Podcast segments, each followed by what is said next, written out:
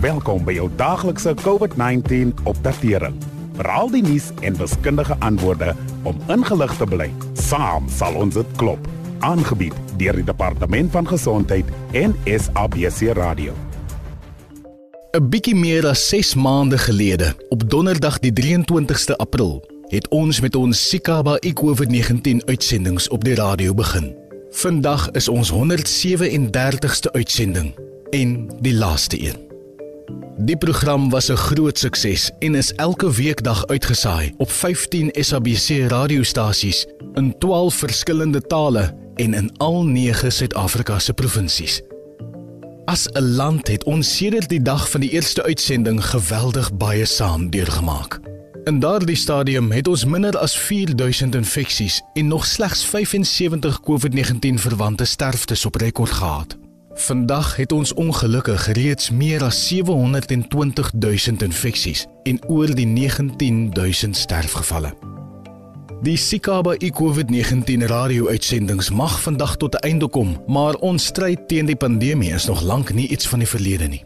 In die komende maande sal ons almal moet aanhou om as 'n span teen die virus saam te werk. Span Suid-Afrika.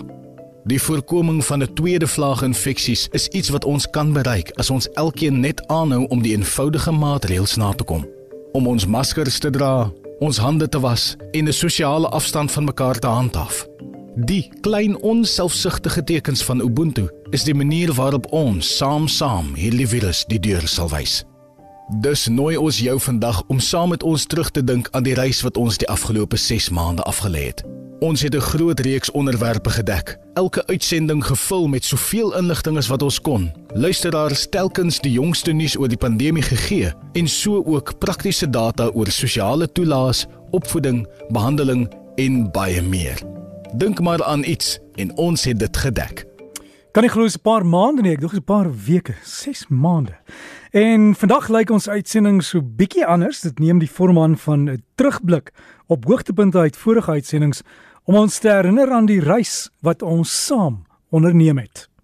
Dit was regtig moeilik om te weet wat om oor hierdie nuwe virus te glo. Nou Sikaba het op hierdie behoefte gereageer deur feitelike en tersaaklike inligting op die piek van die pandemie te verskaf, hoe om werk te soek, geestesgesondheid en eersterandse weergawe van mense wat van COVID-19 herstel het met advies van 'n fenominale netwerk. COVID-inperkings het die meeste lande se ekonomieë beïnvloed. Dit het die bedrywe soos mynbou en vervaardiging gestop of vertraag met beperkings op wanneer hulle kan werk en hoeveel mense kon werk, sowel as beperkings op wat 'n mens kon koop. Die meeste grense is of was gesluit. Baie van die bewerklike belangrike inligting oor COVID-19 word ook nie beskikbaar gestel op 'n manier wat die mense met intellektuele of leergestremdhede kan verstaan nie en dit laat hulle baie alleen voel. Luisteraars, daar's een ding wat ons moet onthou. Daar's baie maniere waarop die COVID-pandemie veral vir ons beïnvloed. Op die ekonomiese front verloor ons in ons land baie. Suid-Afrikaners is die tipe mens wat indien hulle nie ingelig word nie, neem hulle die saak nie ernstig op nie en kan soms nogals rebels raak. En 'n vername fokus was die deel van kundige betroubare advies oor hoe om na jou eie gesondheid om te sien. En ons het met baie ja mense gesels wat van COVID herstel het en natuurlik met ons wonderlike dokters en ander gesondheidswerkers wat ons reg deur die pandemie op die hoogte van sake gehou het. Die grootste risikofaktore om een van hierdie siektes op te doen is 'n swak dieet, 'n gebrek aan oefening, gebruik van te veel alkohol en die gebruik van tabakprodukte. Maar die goeie nuus is dat jy hierdie risikofaktore kan vermy of selfs kan beheer deur 'n gesonde leefstyl te handhaaf. Dit sluit in om jou liggaam 'n bietjie te beweeg, te kyk wat jy eet en drink en om ongesonde middels te vermy. Party studies toon dat meer as 4 uit elke 10 Suid-Afrikaners moontlik reeds teen liggaampies kan hê. Dit beteken dat miljoene Suid-Afrikaners kon al COVID-19 gehad het sonder dat hulle dit enigstens geweet het. En ons weet dat dit vir die meeste mense 'n moeilike jaar was, veral diegene wat finansiëel kwesbaar is en ons kinders wie se skooljaar ontwrig is. Met die inperking was leerders so lank weg dat vir party kan dit nou baie moeilik voel om terug te keer skool toe. Baie gesinne het ook hulle inkomste verloor en kan nie die skoolgelde bekostig nie. Finansiële stres Swak familieverhoudings en eensaamheid is 'n paar van die uitdagings wat mense tydens die inperking in die gesig gestaar het. Baie ondernemings het as gevolg van die inperking gesluit of afgeskaal. Dus is dit reeds moeilik vir jong mense om geleenthede in die formele sektor te vind. Baie VKO-dienste kan ook nie heropen nie omdat hulle nie personeel kan betaal of die beskermde to toerusting kan koop wat hulle benodig het nie, soos die maskers, thermometers ensovoorts. Jy kan help deur hierdie items aan die VKO sentrum in jou omgewing te skenk of deur 'n NRO of NGO in jou omgewing te kontak wat met VKO sentrums werk. En ons het deurgaans probeer om goeie idees en moontlike oplossings te bied oor hoe om mekaar te ondersteun. Wel, om mee te begin kan ons plaaslike besighede ondersteun. As jy steeds 'n inkomste verdien, koop asseblief by die kafee op die hoek of 'n plaaslike vervaardiger of ondersteun klein besighede. Praat met die kinders en gesinne rondom jou, moedig leerders aan om terug te gaan skool toe en ondersteun hulle om daar te bly. Ons moet mense ook emosioneel ondersteun. Wat van vrywilligerswerk?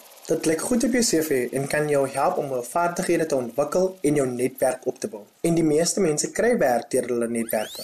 Om te verseker dat ons en ons gemeenskappe gesonder eet. Ek is 'n groot voorstander daarvan om jou eie groente te kweek.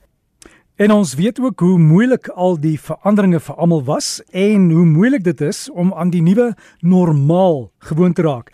Maar daar is heelwat wat ons kan doen om vir onsself en mekaar te sorg. Dis gaan hierdie vryheid gepaard met 'n groter verantwoordelikheid. Voorkoming bly die sleutelwoord. Jy luister na mekaar se bekommernisse en maak dalk 'n visiebord met prentjies van hoop en drome van die toekoms. En as jy oorweldig en magteloos voel, verruil die nuus en elektroniese toestelle vir 'n positiewe uur of twee van saamkuier met jou gesin.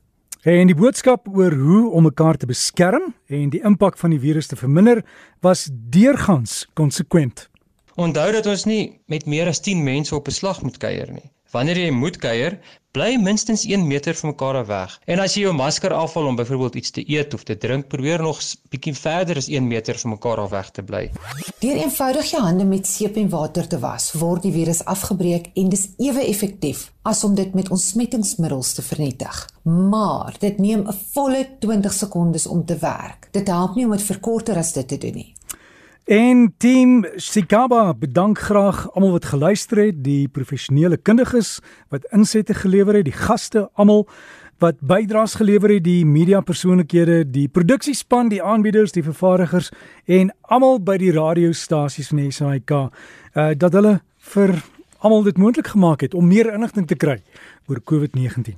So daarmee dan die laaste van ons bydraes en al die stemme wat jy nou gehoor het, maar net so 'n paar van die wat 'n verskil gemaak het om ons almal gesonder te hou. Baie dankie aan die span. Dankie dat u geluister het na die daaglikse COVID-19 inligtingstuk aangebied deur die Departement van Gesondheid en SABC Radio in samewerking met die Solidariteitsfonds. Wees veilig, bly gesond. Saam sal ons dit klop. Suid-Afrika.